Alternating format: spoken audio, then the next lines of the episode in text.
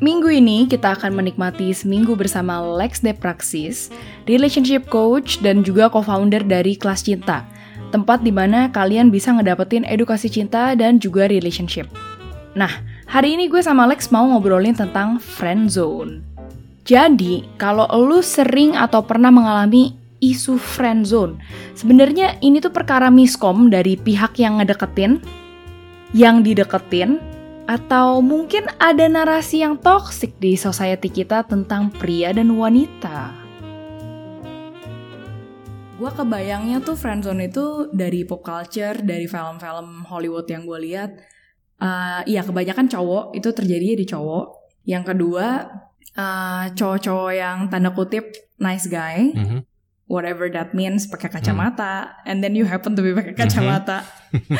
and then uh, nerdy rajin belajar anak IPA um, and biasa ceweknya itu kalaupun misalnya akhirnya berteman sama atau tanda kutip di uh, ngefriendzone hmm. cowok uh, ceweknya nggak tahu ya ujung-ujungnya jadian sama cowok yang kinda asshole gitu itu yang ada di bayangan gue ya nah kalau menurut lo sendiri friendzone tuh in your definition kayak gimana Lex? Istilahnya itu dari sisi cowok yang ngerasa uh, tidak berbalas dari ceweknya gitu kan dan mengeluh yeah, yeah, ceweknya true. malah milih cowok-cowok yang brengsek yang yang yang tadi kamu bilang asshole gitu Yun jadi kurang lebih sama iya, gitu yeah, yeah. Uh, pengalamannya hmm. seperti itu although kalau tadi lo nanya pengalaman gue pribadi ketika waktu masih kuliah dulu atau sekolah dulu uh, eh, gue nggak punya hmm. istilah itu gitu loh istilah friendzone itu I, uh, itu unheard of istilahnya ya gitu loh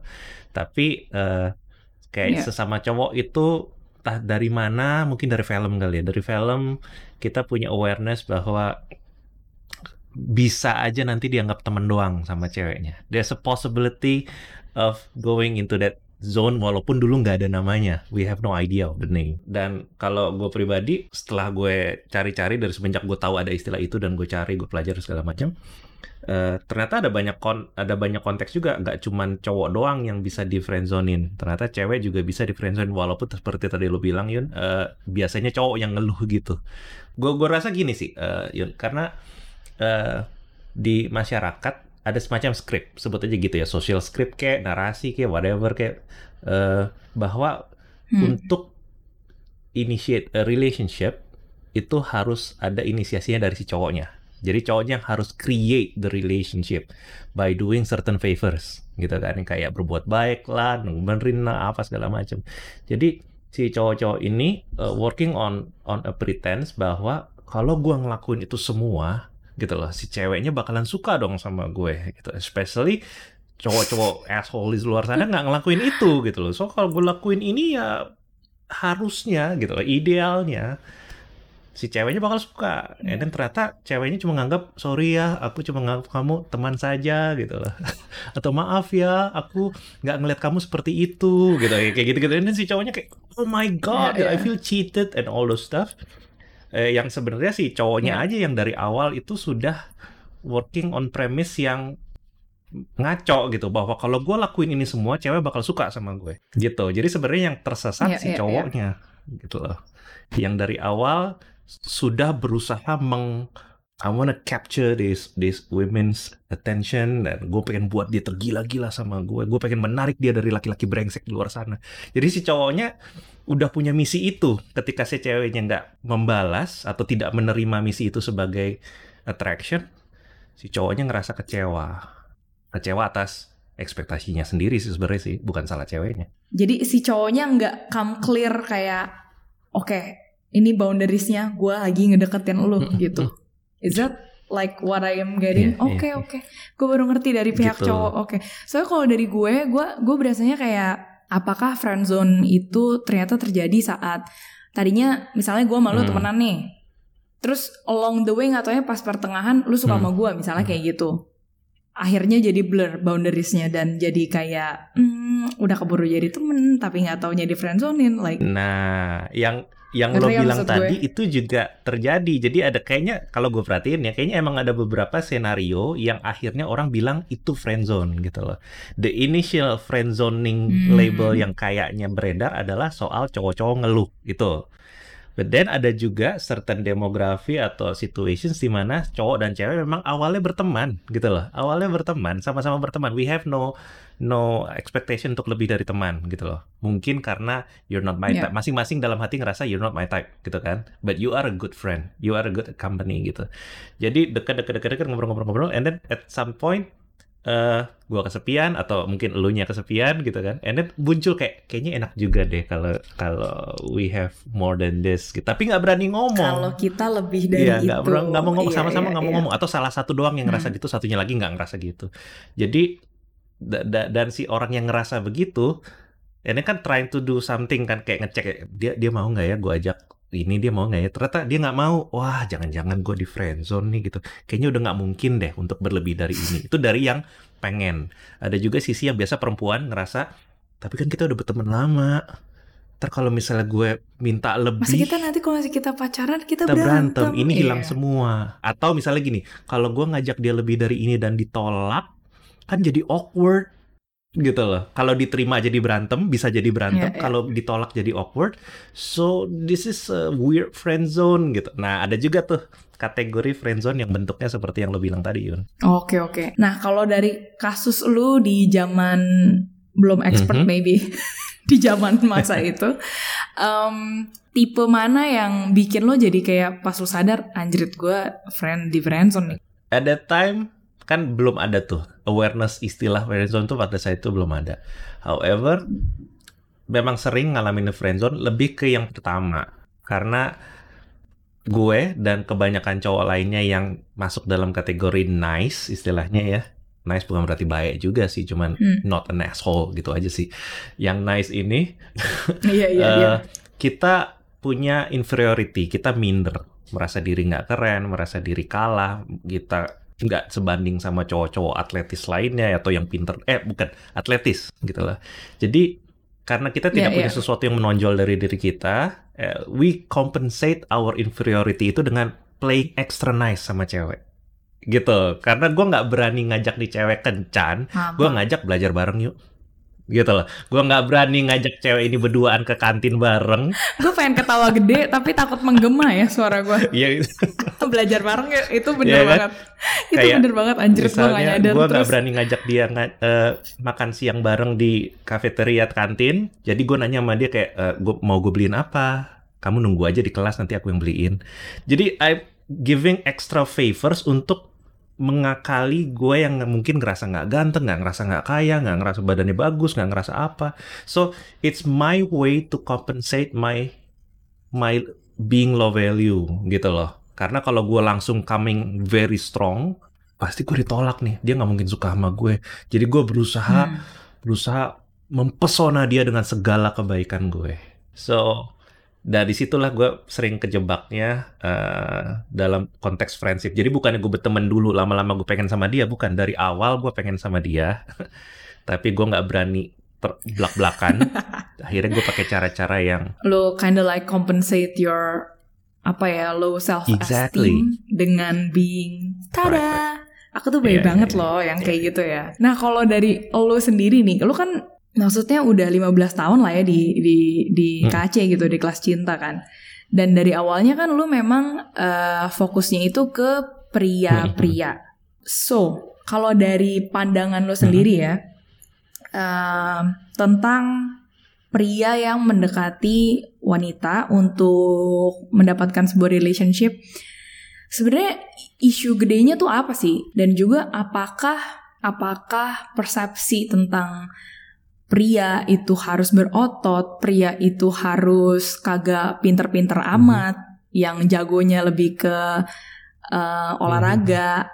Kan kalau di SMA tuh, kalau lo anak basket, ya most likely lu bego nggak apa-apa, yang penting lu ganteng gitu. Ibarat, yang penting lu bisa nge-shot yeah, yeah, yeah. aja. Tapi kalau lu pinter, lu tuh di karantina buat olimpiade fisika, eh, cewek-cewek tuh kayak, malas banget sih lu, lu bau lab tuh gak sih badan lu gitu. Nah, apakah itu tuh sebenarnya uh, yang bikin apa ya mungkin creating uh, toxic masculinity atau toxic relationship mm -hmm. kali ya di dalam sebuah hubungan gitu jadi cewek-cewek ini mikir juga secara nggak sadar oh emang ya cowok-cowok yang kelihatannya nggak asshole atau nggak yang nggak kayak cowok banget whatever that means emang gue mah nggak tertarik gitu. What what is your opinion about it? Selama lo selama 15 tahun ini di kelas okay, cinta. oke. Okay. uh, that's a good question. Thank you. Uh, selain self esteem tadi yang kita udah bahas yang ngebikin cowok-cowok jadi berlaku seperti itu atau yang bikin cewek-cewek juga geared towards cowok-cowok yang kelihatannya anak basket itu atau atletik itu adalah uh, sebenarnya bukan soal yeah. si ceweknya tidak tertarik sama nerdy guys, bukan poinnya bukan itu sebenarnya.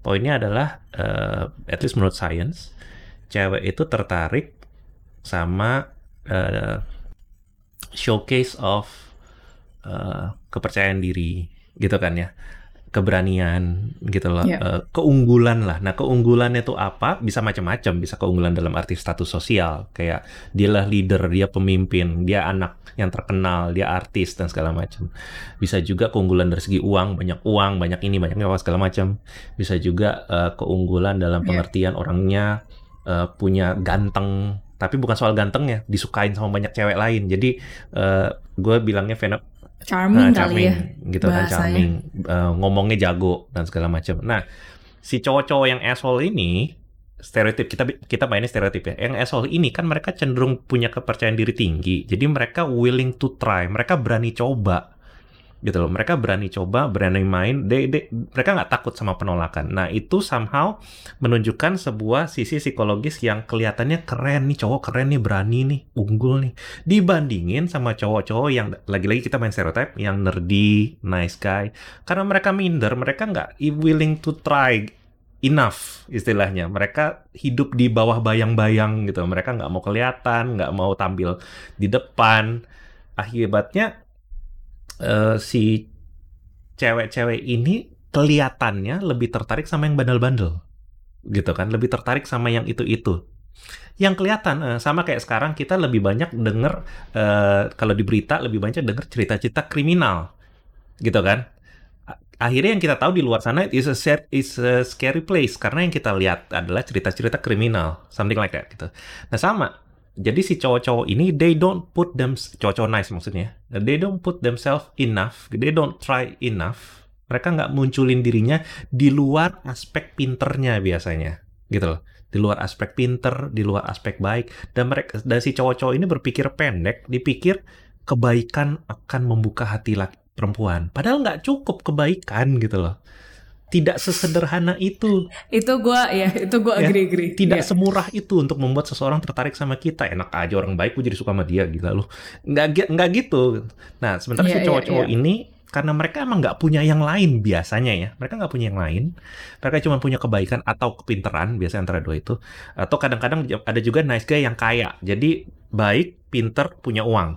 Jadi yang mereka lakuin adalah melayani nih cewek lo mau apa? Gue beliin apa segala macem gitu untuk compensating other areas eh, yang iya. mereka nggak punya.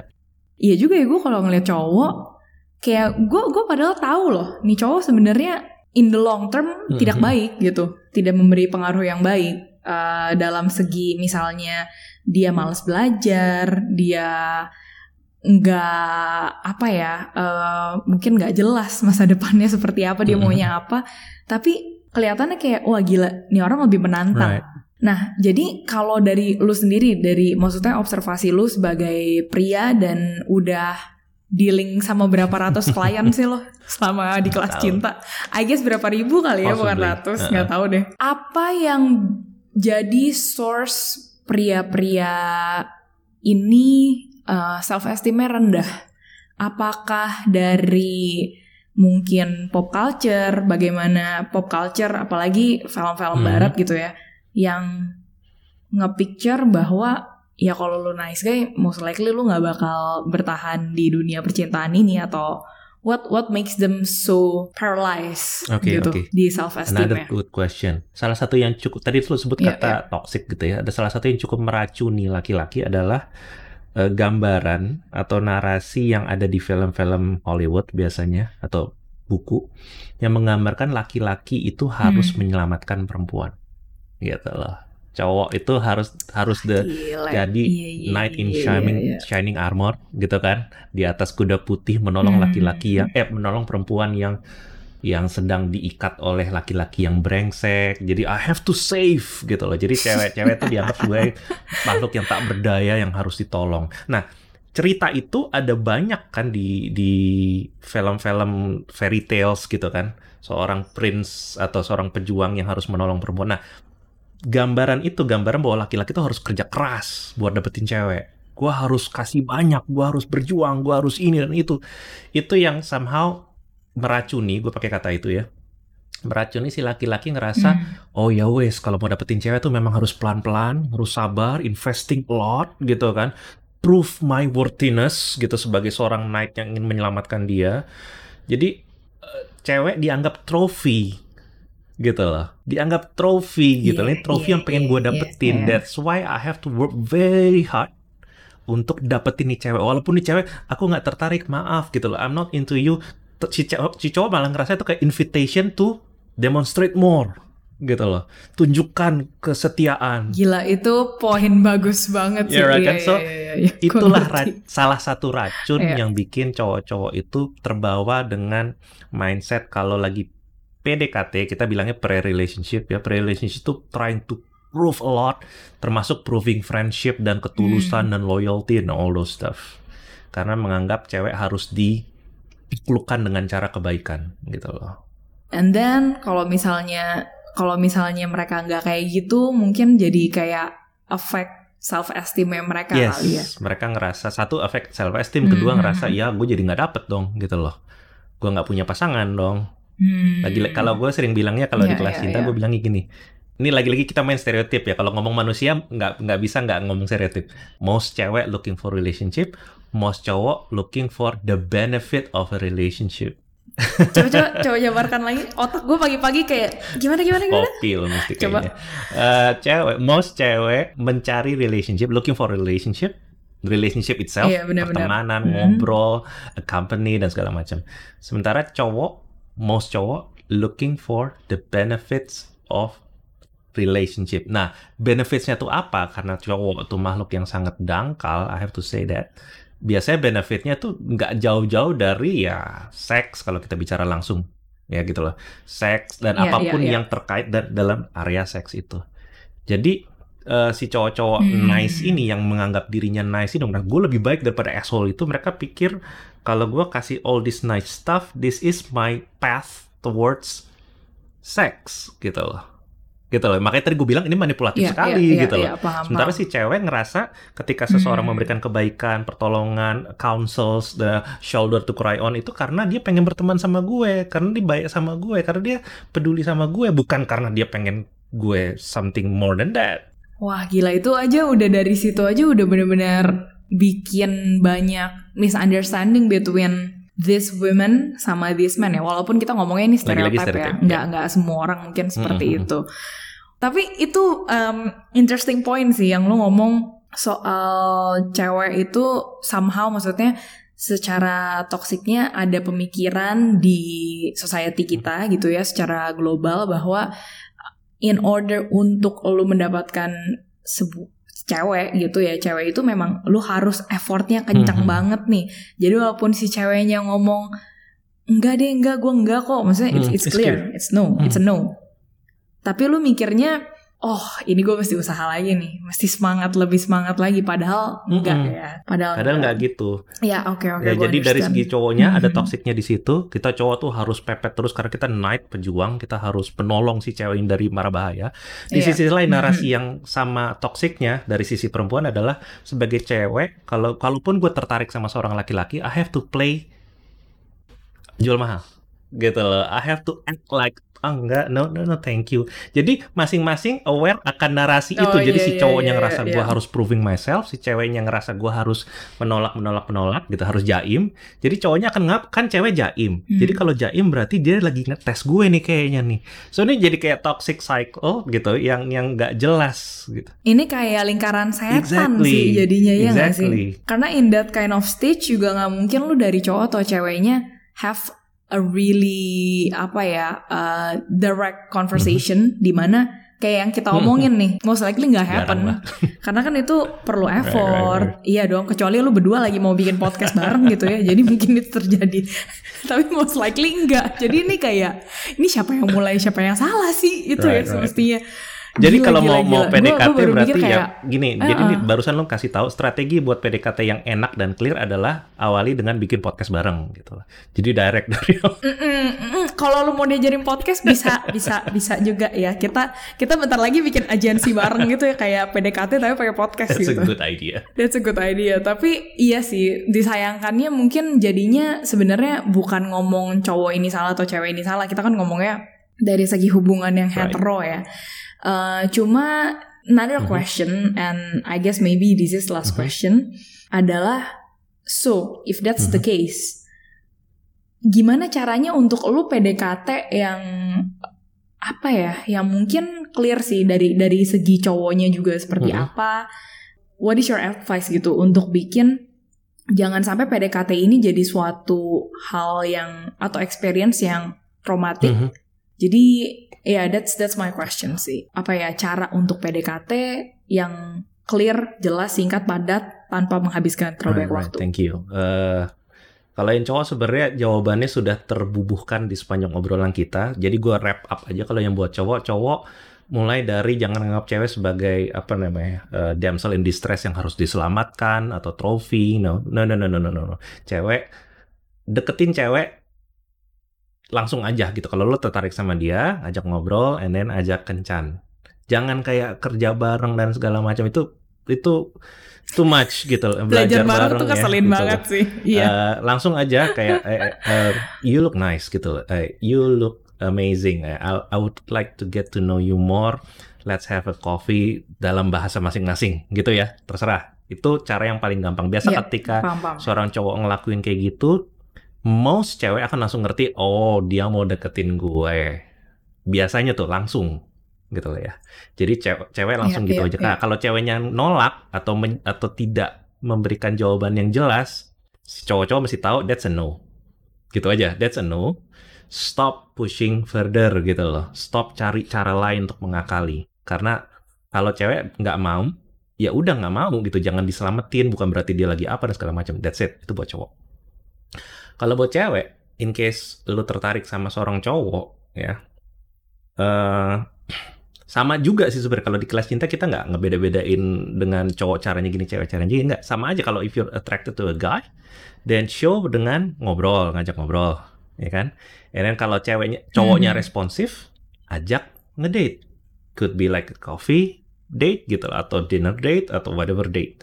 Jadi langsung ngajak supaya nggak memperlama gitu loh supaya nggak membuat kita jadi ambigu hmm. ini kita apa gitu loh itunya tuh yang menyebalkan soalnya soalnya kalau udah kelamaan yeah, kayak yeah, gitu yeah. dan tiba-tiba uh, tidak berbalas atau ditolak kan jadi ngerasa dicurangin gitu loh padahal sebenarnya sih nggak dicurangin elunya aja yeah. yang main terlalu kalem gitu loh langsung aja kasih tolong apa jadi dari segi hmm. cewek itu kalau di kelas cinta yang buat laki-laki namanya kan hidden system, buat yang perempuan namanya lovable lady. Hmm. Jadi di kelas lovable lady kita bilangnya hmm. prinsipnya begini, kalau mau maju itu buat cewek tuh ya. Kalau mau maju, kalau cowok udah tahu soalnya prinsip itu, kalau mau maju gitu. Tapi ceweknya yang belum tahu itu gitu loh.